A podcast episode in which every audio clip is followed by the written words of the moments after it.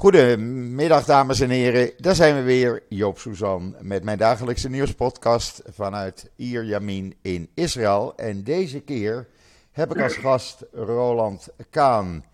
Uh, goedemiddag, Roland. Hoe is het daar in Amsterdam? Koud en nat? Goedemiddag, Joop. Ja, het is al dagen is het uh, één groot regenfestijn. Ja. En uh, ja, daar ben ik heel gemengd over. Wij zijn met de Murk Today een van onze bedrijven zijn we heel groot in de regenjassen. En de omzetten zijn verdubbeld de afgelopen week.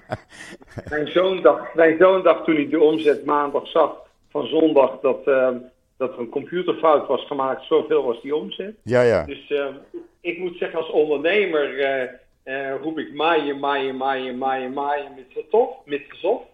Geen soft, maar, maar heel erg tof. Ja. Dus en als, en als ja, als particulier denk ik, ja, ik, ik heb geen zin of ik vandaag de deur uit wil gaan. Dus het is, maar het goede, het goede nieuws is dat het verder heel rustig is hier. We, we, werken toe naar nieuwe verkiezingen. En wat, waar ik erg blij mee ben, is dat het eruit ziet dat de gevestigde orde, die, die ja, soort corruptie, ik zou het de corruptie van de incompetentie willen noemen. Hè? Uh, een nieuw soort corruptie heeft geïntroduceerd. Uh, zorgen dat uh, er eigenlijk zo makkelijk mogelijk met de macht omgegaan kon worden. dat dat eigenlijk nu op zijn einde is. En dat je ziet dat er steeds meer krachten zijn in Nederland. Ja, die willen weer een, een, een, een efficiënte overheid. Die willen weer een ja. zorgoverheid. Dus eigenlijk een heleboel van de problematiek waar Israël voor staat die heeft Nederland ook met die verstande dat Nederland natuurlijk een heel goede grondwet heeft. En, en een controlerende uh, Eerste Kamer die Israël ook niet heeft. Want die heeft alleen de Knesset. Dus uh, ja, zeg maar, het politieke systeem in Israël zou ge, gemoderniseerd moeten worden. Maar dat geldt voor Nederland eigenlijk ook. Ja, nou hier is het net andersom. Het is hier bloedje heet. We gaan uh, vandaag weer uh, uh, richting 41, 42 graden gevoelstemperatuur. En dan ga je ook de deur niet uit, dan blijf je het liefst overdag binnen. En het weekend wordt het nog wat warmer, maar dat is niet abnormaal. Aan de andere kant hebben we natuurlijk de politieke onrust die hier ja, dagelijks merkbaar en voelbaar is. En ja, die zo langzamerhand uh, een beetje uit de hand loopt, ben ik, ben ik bang voor. Uh, we hebben, ja, zoals jij al zei, uh, Israël heeft geen Eerste Kamer en geen grondwet. We hebben alleen het Hoge Rechtshof. Nou, daar wordt de macht nu ook aan banden van gelegd. Dus er is eigenlijk helemaal geen controlerende factor meer. En dat zie je nu in de onrust in de economie. Er is uh, gisteren uh, bekendgemaakt dat in de eerste zes maanden van dit jaar er 29% minder in Israëlische bedrijven is geïnvesteerd, met name high-tech en start-ups. En dat is veel. Dat is erg veel. Ja, dat, dat is haast een derde minder. Ja. En dat is natuurlijk ook logisch, hè, uh, Joop. Op het moment moet je voorstellen dat mensen die, en dat zijn natuurlijk over het algemeen hele grote internationale fondsen, Waaronder trouwens ook het grote fonds Undala. Undala is het uh, high-tech fonds van de koninklijke familie, van de, van de Royal Family of the Emirates. En die is een van de grote investeerders geweest vorig jaar in Israël. Ja. Dus um, de, de, de, Emirates en hebben natuurlijk een steeds betere relatie met Israël. Maar ook daar, ook, en zeker na de Abraham-akkoorden. En ook daar zie je dat er scheurtjes komen omdat ja, de Emirates zijn eigenlijk een, ja, een hele uh, onpartijdige partij in het Midden-Oosten, zou ik kunnen zeggen. Die eigenlijk maar met één ding bezig zijn. Zoveel mogelijk geld verdienen, zoveel mogelijk uh, economische banden en zoveel mogelijk uh, rijkdom voor hun burgers. Ja. En, en daar, daar slagen ze ongelooflijk knap in. Er is de Emirates geen woning te koop die uh, nog niet, ja, zijn alleen nog maar woningen te koop die nog niet gebouwd zijn. En dat is heel lang niet zo geweest. Dus er is een enorme boom geweest. En iedereen, vooral veel Russen, Oekraïners, uh, maar ook uh, mensen uit andere Arabische landen, zoals Iran en overal vandaan, die daar nu woningen kopen. Maar ook ja, Joodse vriendjes van mij die echt massaal geïnvesteerd hebben de afgelopen jaren in de Emirates. Ja. En ehm, dus je ziet, er moet rust zijn aan het economische front. Wil mensen geld aan een land toevertrouwen? Maar je kan toch niet zeggen dat het in zo rustig is op het moment? Nee, op het moment is het helemaal niet rustig. En uh, als mensen gedacht zouden hebben, met de vakantietijd wordt het minder. Het wordt juist uh, meer. Er is vanavond weer een hele grote demonstratie in, uh, in Tel Aviv. En dat gaat zo elke dag door. Daarnaast. maar, je, je maar het, is wel een, het is wel een beetje dubbel, hè, Joop? Kijk, aan de ene kant um, is natuurlijk het rechtse blok dat nu aan de regering is, dat is natuurlijk een, een, een, een blok dat ingegeven wordt door eh, theocratie, ingegeven wordt door religieuze eh, eh, denkbeelden. En je, dat zie je ook in de meeste Arabische landen. Dat, ja, dan ontstaan er hele gevaarlijke situaties. Want dan is, het geen, dan is er geen scheiding meer tussen kerk en staat. Nee, en dat blijkt ook eh, uit een uh, wet uh, of een, een, voorstel wat gisteren bekend werd. Dat de minister van Milieu gescheiden uren voor baden voor mannen en vrouwen heeft afgekondigd in een tweetal parken rond Jeruzalem. Dat zijn de eerste waar dan gescheiden baduren komen voor mannen en vrouwen. Want zij wil de orthodoxe bevolking ook laten baden in een park. Ja. Ja, Stap, stapje voor stapje zeg ik dan. Dus, dan zeg ik stapje voor stapje. En dat zijn natuurlijk allerlei uh, dingen die niet bijdragen aan uh, ja, de, de, de rust hier in Israël natuurlijk. Nee, en dan zie je dus en, um, dat um, mensen verplaatsen zich makkelijk. Bedrijven, ja. zeker high-tech bedrijven, verplaatsen zich makkelijk.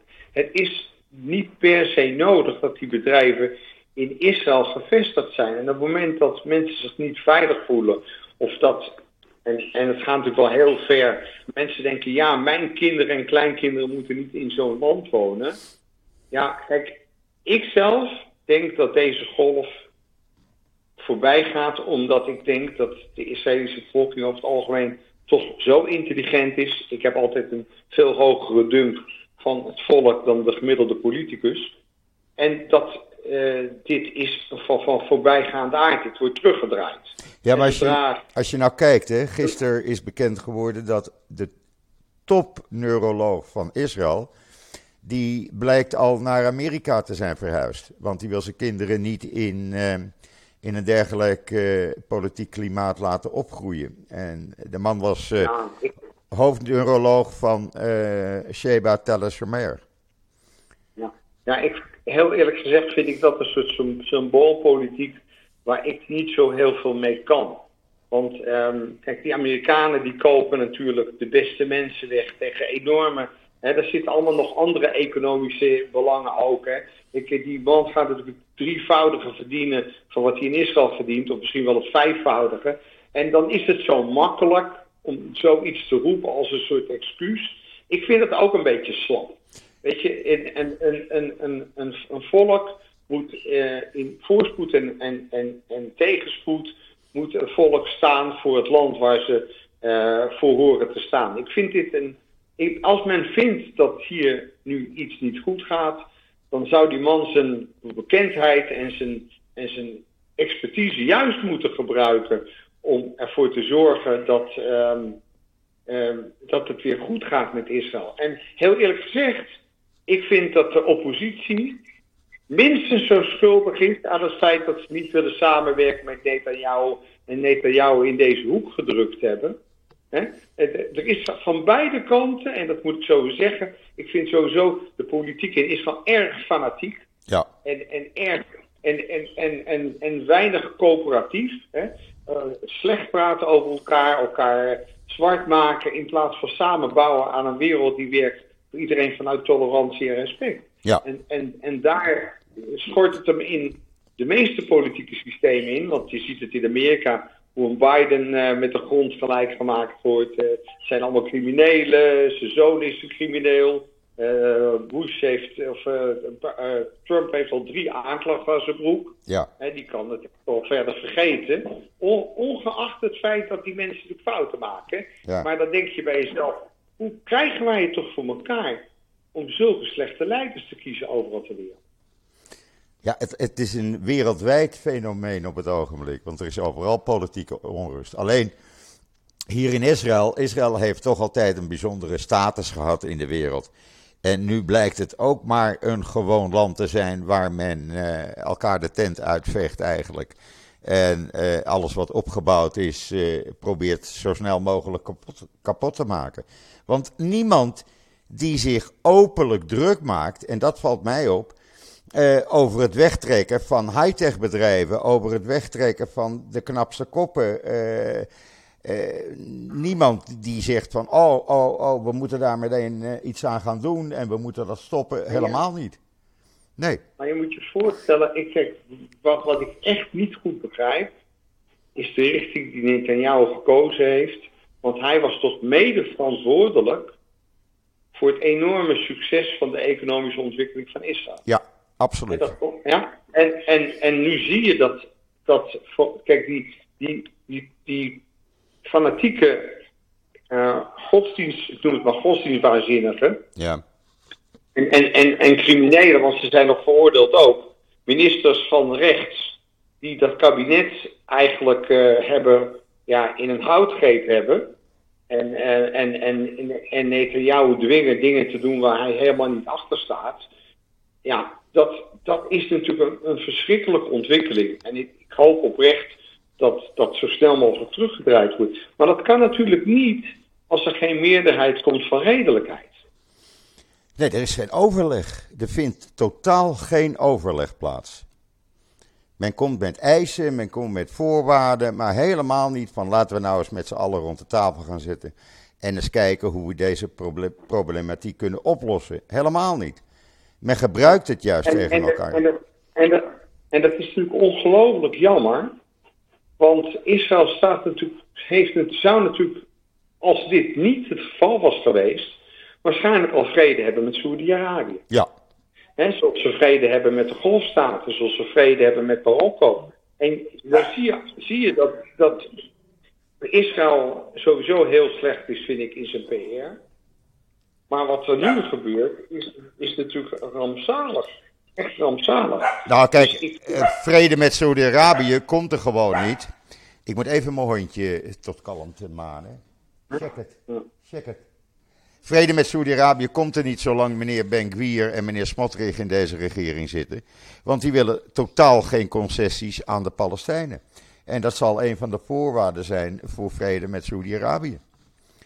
Dus Nou, dat is een voorwaarde. Ja. En nou is het wel zo dat eh, ehm, inmiddels ehm, een heel groot deel van de Arabische leiders klaar zijn met de eeuwige slachtoffers en de zevende generatie eh, vluchtelingen. ja, Hè, waar- die ze zelf in de hand hebben gewerkt als wapen tegen ja, de enige democratie. Het enige land waar vrouwen met blote benen liepen in het hele Midden-Oosten. Dat ze als een enorme bedreiging hebben ervaren voor hun eigen macht.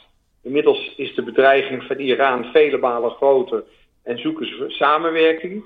En die samenwerking vindt natuurlijk al plaats, hè Jo? ja, En wat, wat, ik, wat ik wel een heel apart fenomeen vind, is dat de, de westerse eh, journalistiek een compleet verkeerd beeld schept van de werkelijkheid rond Israël. Niemand schrijft erover dat Israël en Egypte enorm goed samenwerken. Niemand schrijft erover dat de koning van Jordanië heel close is met Netanyahu. ja. Zo close, zo close zelfs, ja, dat ehm, ik, ik, ik ontving gisteren de uitnodiging voor de International Leadership Reunion. Dat is een, eh, een, een organisatie van geldgevers aan Israël. En, ehm, en ik mag eh, heel trots zijn dat ik een van de grote geldgevers ben.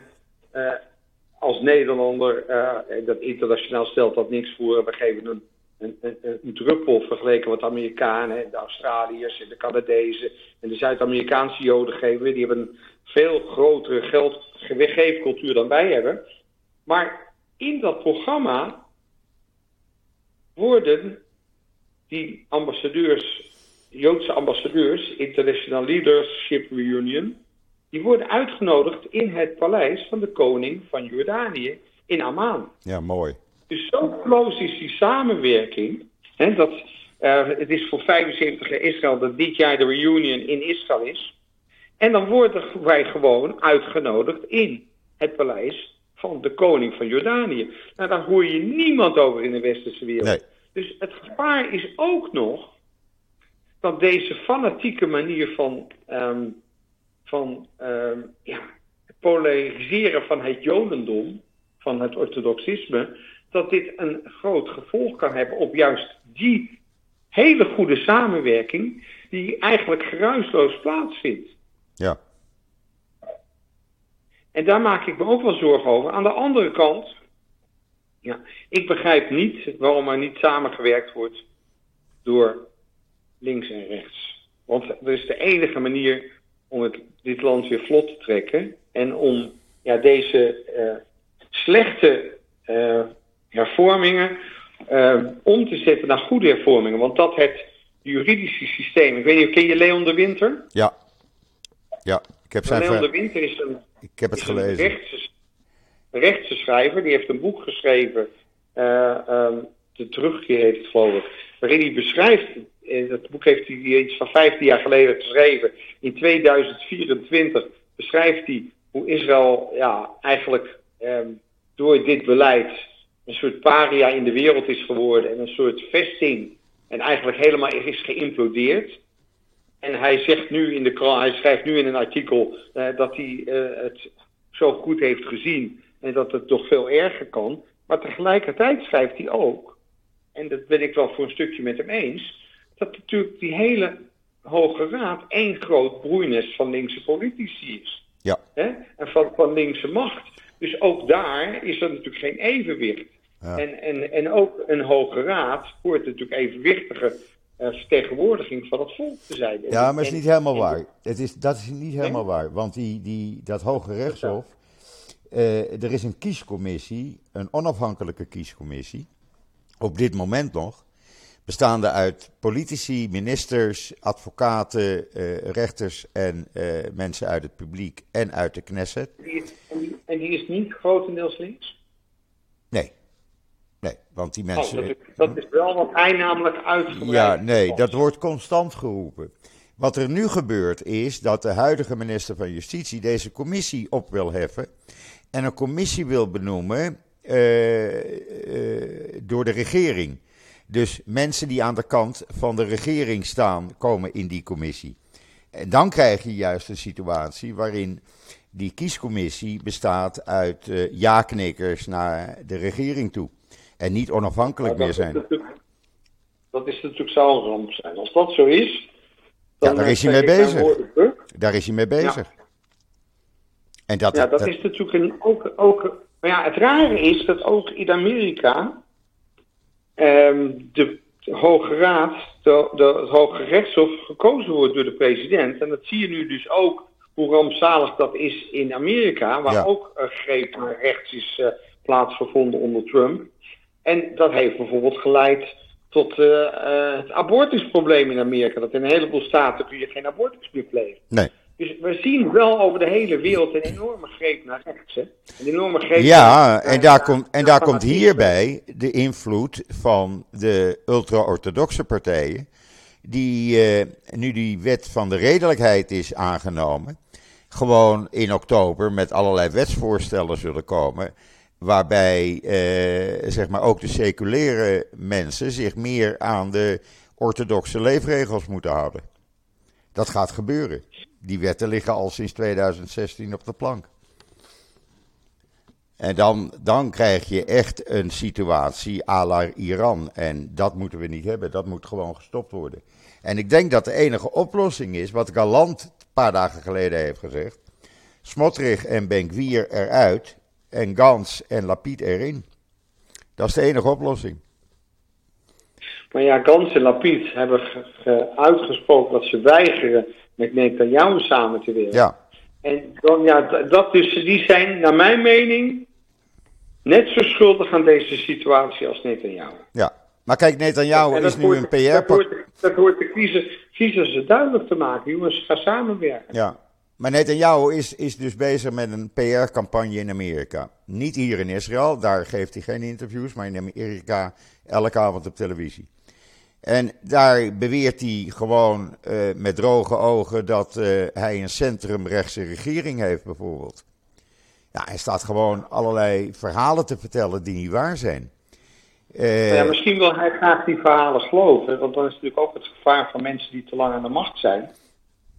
Weet je, sowieso zou iemand nooit langer dan acht jaar aan de macht mogen zijn. Eens. Dus deze man moet nu, deze man moet nu weg. Ja. En, en, en het enige wat gaat helpen is die man gewoon ja, onschendbaarheid geven in ruil voordat hij opstapt. En, uh, en heel eerlijk vind ik ook die manier waarop met hem omgegaan wordt ten aanzien van ja, futiele corruptie, want we praten over futiele corruptie. Um, wat haast onvermijdelijk is als je zo dicht bij het vuur zit. Ja? Ik geloof niet in uh, heilige mensen. Um, de, Je de Jezusen van deze, van deze tijd moeten nog opstaan. En um, ja, dat is trouwens, uh, dat is trouwens ook uh, al 2000 jaar een ramp voor, uh, voor, het, voor het Jodendom. En ja. Wat dat betreft ja. wat dat was Jezus nog, nog funester voor ons dan Netanyahu. Hè? Maar um, ja, dat, dat uh, met excuus aan alle christenen die luisteren. Maar, um, want ik bedoel dat eigenlijk als grapje. Ja. Maar met wel een enorme kern van waarheid trouwens. Want eigenlijk met de komst van het christendom overgenomen door de Romeinen is het antisemitisme begonnen. Ja. Ja, kijk, corruptie okay, komt in Nederland voor, ook voor. Dat is een heel ander onderwerp, dat moeten we ook eens een keer beter. Dat moeten we een ja, volgende keer doen. Maar corruptie is in Nederland ook. Dat komt in elk, elk westers land voor. Het is niet alleen... Uh... Nou ja, je, je, je ziet, en, en, en ook dit zal me niet in dank worden afgenomen, maar je ziet dat een multiculturele samenleving ja, meer open staat voor corruptie dan een samenleving die vanuit christelijke waarden ja. eh, is opgezet. En niet dat christenen niet corrupt zijn, niet dat de christenen niet in staat zijn tot de allerergste dingen. Maar op de een of andere manier had onze Calvinistische samenleving toch een hoge moraliteit op het gebied van financiële corruptie. Ja, en um, ja, dat is natuurlijk al lang niet meer zo. Nee. nee. Op dit moment helpt de ene helft van de overheid helpt Nederland de drugs het land inbrengen. En de andere helft van de overheid probeert het te bestrijden. Ja. Het aantal corrupte medewerkers bij de overheid is nog nooit zo hoog geweest. Nee. Maar kijk... Ik heb er heel lang in Nederland druk gemaakt over het feit dat ze geen idee hadden hoe ze geld konden verdienen. Dat er 320 miljard aan belastingen binnenkomt. Dat kan natuurlijk alleen maar in een land met een enorme welvaart. Want anders kun je dat belastinggeld niet opbrengen. Maar inmiddels is het zelfs zo dramatisch dat ze geen idee hebben hoe ze het geld moeten uitgeven. Ja. De, de corruptie rond uitgaven, het amateurisme, de incompetentie, uh, is gegroeid tot een niveau. En, en, en dan zie je dus dat ook ja, uh, het, hele systeem um, wankelt onder die enorme incompetentie. En dat doet me dus heel erg denken aan die prachtige woorden van Tony Robbins. Tony Robbins zei het volgende. Slechte tijden maakt sterke mensen. Sterke mensen maken goede tijden. Goede tijden maakt zwakke mensen. Zwakke mensen maken slechte tijden. Slechte tijden maken sterke mensen. Ja. En we zitten nu in een fase van enorme welvaart. En je ziet ook dat, um, dat die welvaart, dat we die blijkbaar niet goed kunnen handelen. En dat Nee. de mensen die nu aan het bewind zijn, zijn ja, slappe mensen, slechte mensen. Ja. Slecht in de zin van niet in staat zijn om te gaan met alle hardships die nou eenmaal het mensenleven met zich meedragen. Ja. Maar dat zie je hier ook, hè. We hebben hier een minister van Politie die eh, 53 keer eh, veroordeeld is, opgepakt is. En die rustig zegt tegen eh, de politieagenten, sla er maar op los. Tegen die demonstranten. Met droge ogen zegt hij dat. Gewoon sla er maar op los. En dat doen ze dan ook. Dus het loopt volledig uit de hand. En ja, dat, dat kan gewoon niet. Je moet een leider hebben. En niet iemand die zegt van sla er maar op los. En, hoe, hoe, hoe, hoe, hoe, zie, hoe zie jij de oplossing? op dit moment, ik zou niet weten. Ja, de enige oplossing die er is, is, is inderdaad wat Galant heeft gezegd. extreem rechts eruit, Smotrich en, en Benguier. Want die zitten er alleen maar voor de kolonisten. En ja, proberen naar een regering van nationale eenheid te komen. Ook al is dat onder leiding van Netanyahu. Maar ja, eh, er moet iets gebeuren, want anders gaat het land echt naar de afgrond. En heel snel. En dan is het eh, heel moeilijk om het weer op het pijl te krijgen van wat het eens was. Want als bedrijven eenmaal weg zijn, komen ze niet meer terug. Nou, dat ben ik met je eens. Ik ben ervan overtuigd dat als je eh, nu 30% minder investeringen hebt, wat niet wil zeggen dat er nog steeds niet enorm veel geïnvesteerd wordt in Israëlische bedrijven. Nee. Maar, maar het, feit, het feit dat er 30% minder geïnvesteerd is in 2022 dan in 2021, dat is natuurlijk een heel slecht teken. En ik ben ook heel benieuwd hoe dat er dit jaar uit gaat zien, maar dat zal vast nog minder zijn. Ja, nou, het investeringen van, in start-ups het de investeringen in start-ups zijn terug naar het pijl van 2018, vijf jaar geleden. Ja, wat nog steeds een heel hoog pijl is. En Jawel. Laten we ook, laten we ook niet uh, de, de, messenger of de devil zijn. Op zich gaat het, kan, het, kan Israël natuurlijk wel een stootje hebben. En kan iedere sterke democratie een stootje hebben. Alleen ja, wat je hier ziet is dat de grond, het beginsel van democratie geschaad worden. En dat er gelukkig een hele sterke protestbeweging is. Maar dat het tijd wordt dat er uh, een, een, een, een, regering van redelijkheid en, en, en samenwerking komt. Ja, maar als je nou ziet. Daarvoor zou, het misschien, daarvoor zou het misschien nodig zijn dat de huidige drie leiders verdwijnen. En dat er nieuwe leiders voor de plaats komen. Ja, mee eens. Want als je nu ziet, er wordt hier komende zaterdag voor de 31ste week gedemonstreerd. En dat zijn nog steeds honderdduizenden mensen. In plaats van dat het afneemt, het blijft gewoon. Maar, dat, ja, maar ondanks dat er dan misschien wat slaaggrage agenten zijn, denk ik toch dat ook daar Israël een voorbeeld van democratie is en van een vrije samenleving. Want dit kan. Ja, het kan. Het kan. En, en in, in Iran worden de mensen opgesloten en doodgemaakt. Nee, absoluut. En daar, en lees je helemaal niets over nee. in de pers. Nee. Dus wat dat betreft vind ik toch dat er enorm ja, um, ja, selectief het nieuws wordt uh, rondgestuurd. Ja. Zodra ze de Joden de schuld kunnen geven. De wereld geniet van het feit dat het slecht gaat in Israël. De wereld geniet. Ja, absoluut. Nou, ik heb een verrassing voor ze. Ja? Ze mogen voor mij 3000 jaar de pleuris krijgen, al die antisemieten. en Israël zal ook deze fase uh, voorbij komen. En Israël is een echte democratie. En het feit dat wij dit allemaal zo vrij kunnen bespreken, dat jij niet van je bed gelicht wordt, dat is een groot goed. En er zijn maar heel weinig landen waar dat kan tegenwoordig. Daar ben ik het volledig met je eens. 100%. Maar ik bedoel maar, de kracht van de bevolking is erg sterk om 31 weken te demonstreren. En gewoon op te komen draven met honderdduizenden mensen. En het is echt jong en oud. Ja, maar ja, kijk, en dan, dan uh, mijn, mijn vriend Rabijn Janke Jacobs, die zegt ja, in tegenstelling tot wat we hier zien, ziet hij juist dat de orthodoxie en de seculiere joden dichter naar elkaar toe komen. Dat de orthodoxie minder orthodox wordt en de seculieren beter begrijpen um, wat de orthodoxe waarden zijn. Dus die ziet juist een tegenbeweging. Ja. ja. En ik hoop oprecht dat hij gelijk krijgt. Want uiteindelijk, ja, uh, met zullen die orthodoxen met 6 tot 12 kinderen per gezin. Ja, die zullen een steeds groter deel van die bevolking innemen. Absoluut. Nemen nu ook een steeds grotere plaats in de maatschappij in. Ja. Je ziet er steeds meer, meer werken. Je ziet, je ziet nu hele bataljons in het leger met orthodoxie. Dus je ziet dat er ook een andere beweging gaande is. En ik hoop dat die beweging, en ik hoop dat mijn vriend Janke Jacobs daar gelijk krijgt, dat we uiteindelijk naar elkaar toe groeien. En respect voor elkaars waarden gaan ontwikkelen. En dat, dat ook de politici dat omarmen en, en niet voor deze heilloze weg kiezen. Ja, ik denk dat de politici uit hun oude hokjes moeten komen.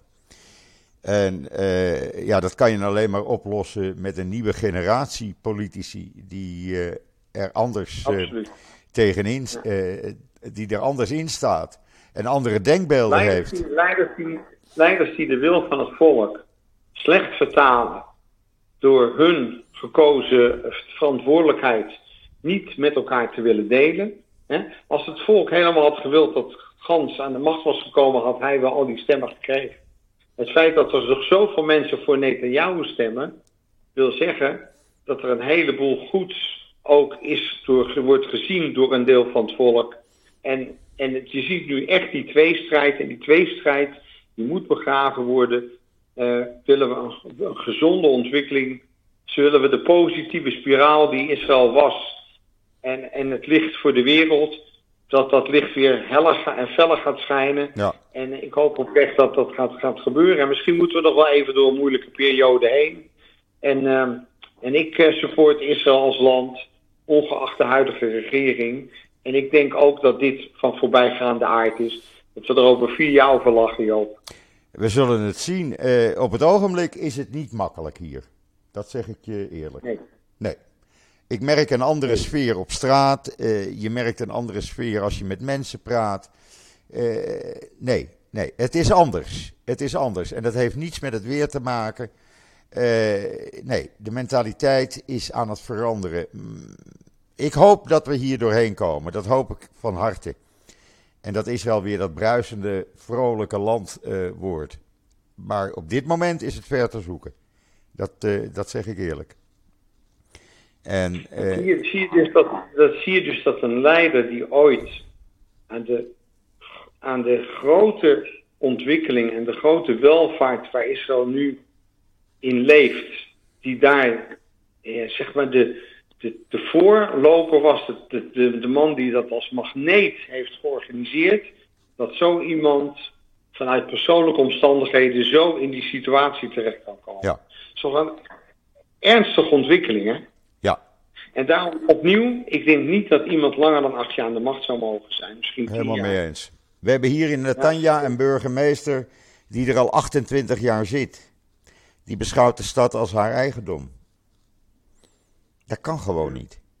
Dat kan gewoon niet. Dat, dat, kan, dat kan inderdaad niet. Nee, dat kan inderdaad niet. Kan gewoon niet. Tenzij, tenzij zo'n persoon het zo goed doet, en dan vind ik het een burgemeester van de stad nog iets anders maar ook dat is natuurlijk een machtssysteem. Maar als die inderdaad met, met een over. Je zou nog kunnen zeggen: iemand kan langer dan acht jaar zitten. als hij twee derde van de stemmen krijgt. Dat iemand zo een grote overwinning heeft. zo'n groot deel van de kiezers achter zich krijgt. Wordt trouwens een burgemeester gekozen in Israël? Ja, toevallig zijn er in oktober uh, burgemeestersverkiezingen. Ja. Nou, dat is dus ook iets wat in Nederland niet het geval is. Uh, eigenlijk, uh, wij, wij kiezen in Nederland natuurlijk alleen voor de Tweede en Eerste Kamer. En de Eerste Kamer ook indirect via de provinciale staten. Ja. He, dus we kiezen vertegenwoordigers voor de provincies. En voor de waterschappen, dat zegt natuurlijk helemaal niemand iets. Zoals, als je daarin verdiept, dan uh, stem je dus op een waterschap. En je hebt geen idee waar het over gaat. Nee. Nagaan hoe belangrijk wa de, wa de waterhuishouding in Nederland is. Die zou, dat in Israël natuurlijk eigenlijk net zo. Maar uh, bij ons net even anders. We hebben te veel water, jullie hebben te weinig water. En um, ja, dus dat, dat hele kies, dat, he, dat hele democratie in de hele, hele wereld staat enorm onder druk. Je ziet ook steeds minder democratie. Ja. Je ziet steeds meer landen die, uh, ja, zoals nu ook weer die, die koep in Afrika. Je ziet die machtssystemen tussen Rusland, China en Amerika. Als je het over echt heftige ellende hebt, dan is dat het wel. Dat speelt nog steeds. Dat speelt nog steeds. En, mensen, en dat zie je dus in Israël ook. Ja. Gewoon zodra mensen, zodra het om macht gaat, wordt het heel eng. Ja. Nou, en dat zie je hier dus gewoon nu elke dag. En uh, ja, nogmaals. Ik had nooit verwacht dat ik dat zou meemaken. Maar goed, uh, ik woon hier en ik zit er middenin. En ik maak het elke dag mee. En dat zijn, uh, ja, zoals gisteren ook, mensen worden in elkaar geslagen die staan te demonstreren bij een politiebureau in Tel Aviv. Uh, je wil dat niet zien, maar het gebeurt helaas. Helaas gebeurt het. En dat is uh, ja, een ander Israël als dat we kennen. Ja, en het ziet op dit moment niet ernaar uit dat die partijen met elkaar willen samenwerken. Nee. Nee. Dus het, wordt, het gaat een hele warme winter worden. Het wordt uh, een hele warme winter. warme winter. Ja, het wordt heel heftig. Huh? Het wordt heel heftig. Het wordt heel heftig. Maar goed, we gaan het meemaken. Elke dag weer opnieuw. Ja. En het gaat mij niet weerhouden om uh, van de winter naar Israël toe te komen. Ik ben al veel te lang niet geweest. Nou wordt het tijd dat je komt. ja, absoluut. Alleen ik kan je niet zeggen, ik kan je niet zeggen of je hetzelfde Israël uh, zal binnenkomen als dat je kent. Dat durf ik niet te beloven. Want ik weet niet welke kant het uitgaat. Nee, maar we gaan het nou volgen. En dat is natuurlijk het goede van de, de huidige fantastische middelen. Je kunt op zoveel manieren kun je goed geïnformeerd worden. Ja. En, um, en ondanks dat ik vind dat uh, de pers ook daar geen mooie rol speelt, is het er, inmiddels, zijn er inmiddels zoveel kanalen. Um, van, van links tot rechts en van internationaal tot nationaal, waarin we iedere dag uh, op de hoogte kunnen blijven van wat er gebeurt. En ook daar speel jij een mooie rol, Joop, want uh, je bent een mooie ambassadeur tussen Israël en Nederland en je houdt ons allemaal goed op de hoogte. En uh, dat verdient support. Nou ja, dankjewel. Support is altijd welkom natuurlijk. maar wat mij nu bijvoorbeeld opvalt... Heel gaaf, wat je, heel nog... gaaf wat je blijft doen, zowel met je, met je uh, nieuwsbrieven als, en, en, als met je podcast. Ja. En, ik hoop dat je ons nog heel lang op deze manier... Nou, ik vind het ook nodig. Je ziet het nu wat er in Gaza gebeurd is de afgelopen dagen. Amper wat in de Nederlandse pers. Terwijl mensen daar uh, worden opgepakt die staan te demonstreren, worden opge opgesloten op onbekende plekken, in elkaar geslagen. Het is een en al vreedheid wat Hamas tegen zijn eigen bevolking doet op dit moment. En je ziet bijvoorbeeld ook de gevechten die al dagenlang gaande zijn in Libanon tussen allerlei Palestijnse fracties. Uh, er zijn al 11, 12 doden uh, gevallen, uh, tientallen mensen gewond. En men blijft. Maar Joop, is het bij die, bij die woestijnvolkeren ooit anders geweest? Nee, het is nooit anders geweest. Maar je, je, je leest daar weinig over in de buitenlandse pers. Dat bedoel ik mee te zeggen. Ja. En zodra maar, Israël maar, erbij betrokken is, staan de kranten vol. Ja, maar dan, weet je, als ze de Joden niet de schuld kunnen geven, is het geen nieuws. Nee.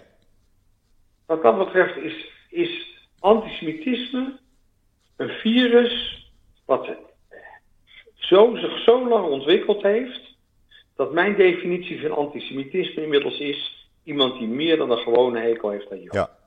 Nou ja, het, het bekende gezegd, hè? No Jews, no news. Heel simpel. Ja. ja. maar zo werkt het, zo werkt het wel. Zo... Nee, maar je ziet, je ziet dus hoe, hoe ongelooflijk het oude mechanisme van Ja. er moet een zondebok zijn. Ja. We moeten iemand de schuld geven. Nou, wat is er dan makkelijker dan die 15 miljoen Joden op 7,5 miljard mensen? Hè? Ja, want daar hebben we het over. En, ja, ja. En, en dan denk en dan, en dan dus, dus het onderwerp antisemitisme boeit mij toch nog meer. Maar daar tegelijkertijd zie je dus dat ook weer door deze hele situatie rond uh, politieke onrust in Israël, ook dat wakkert het antisemitisme opnieuw aan. Absoluut. Nou is er niet veel nodig om antisemitisme aan te wakkeren, maar ja, om, om er nou zelf aan mee te werken lijkt me geen handige. Nee. Nee. Nou ja, ik probeer zoveel mogelijk de feiten uh, naar Nederland te krijgen van wat er hier speelt, wat er hier gaande is. Uh, om iedereen uh, zo goed mogelijk op de hoogte te houden. En ja. ja. elke dag is er wel weer wat anders wat hier gebeurt. En is het geen politiek, dan is het wel terreur, zoals we gisteren hebben meegemaakt. Dus er is altijd wel nieuws hier vandaan. En, uh, maar zijn er, zijn er nou in, de, in, in, in gebieden als Gaza en de westelijke Jordaan-oever en Libanon ook positieve Israëlische krachten? Of worden die bij voorbaat doodgemaakt? Nou, het enige positieve is dat mensen uit Gaza in Israël werken. Ja, veel hè? Iets, ik geloof iets van 50.000. Uh, ja, het gaat wel die richting uit. Het, uh, het zijn er tienduizenden inmiddels. Die elke dag weer die grens oversteken of hier in Israël blijven slapen. En hier in Israël werken. En daar dus, uh, daardoor een uh, goed worden inkomen. Die mensen, worden, die mensen, worden die mensen helemaal gecheckt op Ja, veiligheidsgebied? die worden helemaal gecheckt. Ja. ja. Maar ze hebben wel eerlijk werk en ze hebben wel een, uh, een net salaris. En ze kunnen hun gezin onderhouden op een normale manier. Terwijl uh, En 45. wordt, en, en, en, en wordt dat geaccepteerd door de Hamas? Uh, ja, want dat betekent weer inkomsten voor ze. Belasting. Kun je nagaan, kun je nagaan hoe hypocriet die gast is? Ja, natuurlijk zijn ze hypocriet. Tuurlijk. Alleen, uh, ja, wat er in het noorden gebeurt. Nasrallah, die is aan het provoceren en die wil mogelijk gebruik maken van de politieke onrust hier. En die wacht zijn kans af. En dat, ja, dat mag je best met uh, enige zorg bekijken wat daar gebeurt. Dus uh, daar kijkt iedereen angstvallig elke dag weer, wat gaat hij nu weer uithalen? Dan is het een paar meter Israëlisch grondgebied op, uh, dan is het met luidsprekers aan de gang. Dan is het uh, parlementsleden uit Libanon rondleiden. Er is elke dag wel iets met die Nasrallah bezig. En ja, de IDF begint zich langzamerhand zorgen te maken. Dus ook daar hebben we nog een probleem wat opgelost moet worden. Maar ja, zo zie je maar weer, het een heeft met het ander te maken. Is er geen politieke onrust, dan houdt Nasrallah zich ook koest. Ja, ik begrijp het. Dus, uh, ik begrijp het. En zo blijven we bezig hier. Nou ja, weet je, als, als er niet was om over te praten, werd het ook saai. Precies. Maar dit is wel iets wat, uh, waarvan ik hoop dat het snel voorbij is. Ik hoop het ook. chaos. Ik hoop het ook. Ja. We hebben in ieder geval een leuk gesprek gehad, Roland. En dat vind ik uh, ook belangrijk. En ik Nou, hoop... zoals altijd, Joop. Ik, Ja. ik moet zeggen dat ik iedere keer weer wat leer als ik met je spreek. Dankjewel. Oké, ik wou je bedanken voor dit gesprek. En je nog een hele fijne dag eh toewensen. En eh, nou, we gaan spoedig eh, weer een ander onderwerp pakken waar we over gaan praten. ja, ik ga iets heel leuks doen. Ik heb een babytje van tien maanden. Ja, Want ik, ben, eh, ik heb natuurlijk een eerste lichting, drie, drie kinderen. ja, Ik ben tweeling van 39 die eh, de zaak hebben overgenomen. En mijn dochter van 31. Die helemaal verliefd is op haar kleine zusje. En eh, ik heb nog geen kleinkinderen, dus ik heb tegen mijn kinderen gezegd: goed opletten, ik doe het nog één keer voor. en, en ik heb dus nu een dochter van 10 maanden. Die is eh 1 oktober, wordt die, wordt die een jaar. ja, En eh, we zijn nu begonnen met babyzwemmen. Dus we hebben al Oh, twee leuk. lesjes gehad. leuk. En dan eh, zijn we eh, een zeg maar klein uurtje, drie kwartier met in het zwembad. En, ehm, en ik heb de luxe dat ik een eigen zwembad heb onder mijn huis. Dus ehm, wat dat betreft is mijn leven qua welvaart eh, prachtig ingevuld op, op ieder gebied eigenlijk. Heerlijk. Want wat is het heerlijk dat je over al dat soort leuke dingen kan praten. Ja, En dat je ook op afstand, want dat is natuurlijk ook wel de welvaart. We kunnen natuurlijk in een hele, hele democratische manier kunnen we alle problemen in de wereld bespreken. Waar je in eh, Rusland, China of een heel groot deel van deze wereld, en alle Arabische landen trouwens, hè, is geen één Arabische democratie. Laten we dat wel heel duidelijk voor ogen hebben. Precies. Er is niet één Arabische democratie. Ja, ja. Ehm, dus voordat we nou eh, Israël het vuur aan de schenen leggen, ondanks dat dit natuurlijk opge- opgelost moet worden, denk ik toch dat we de vrijheid die we hebben om dit met elkaar zo te kunnen delen, toch iedere dag moeten koesteren. en dat, dat doe ik ook.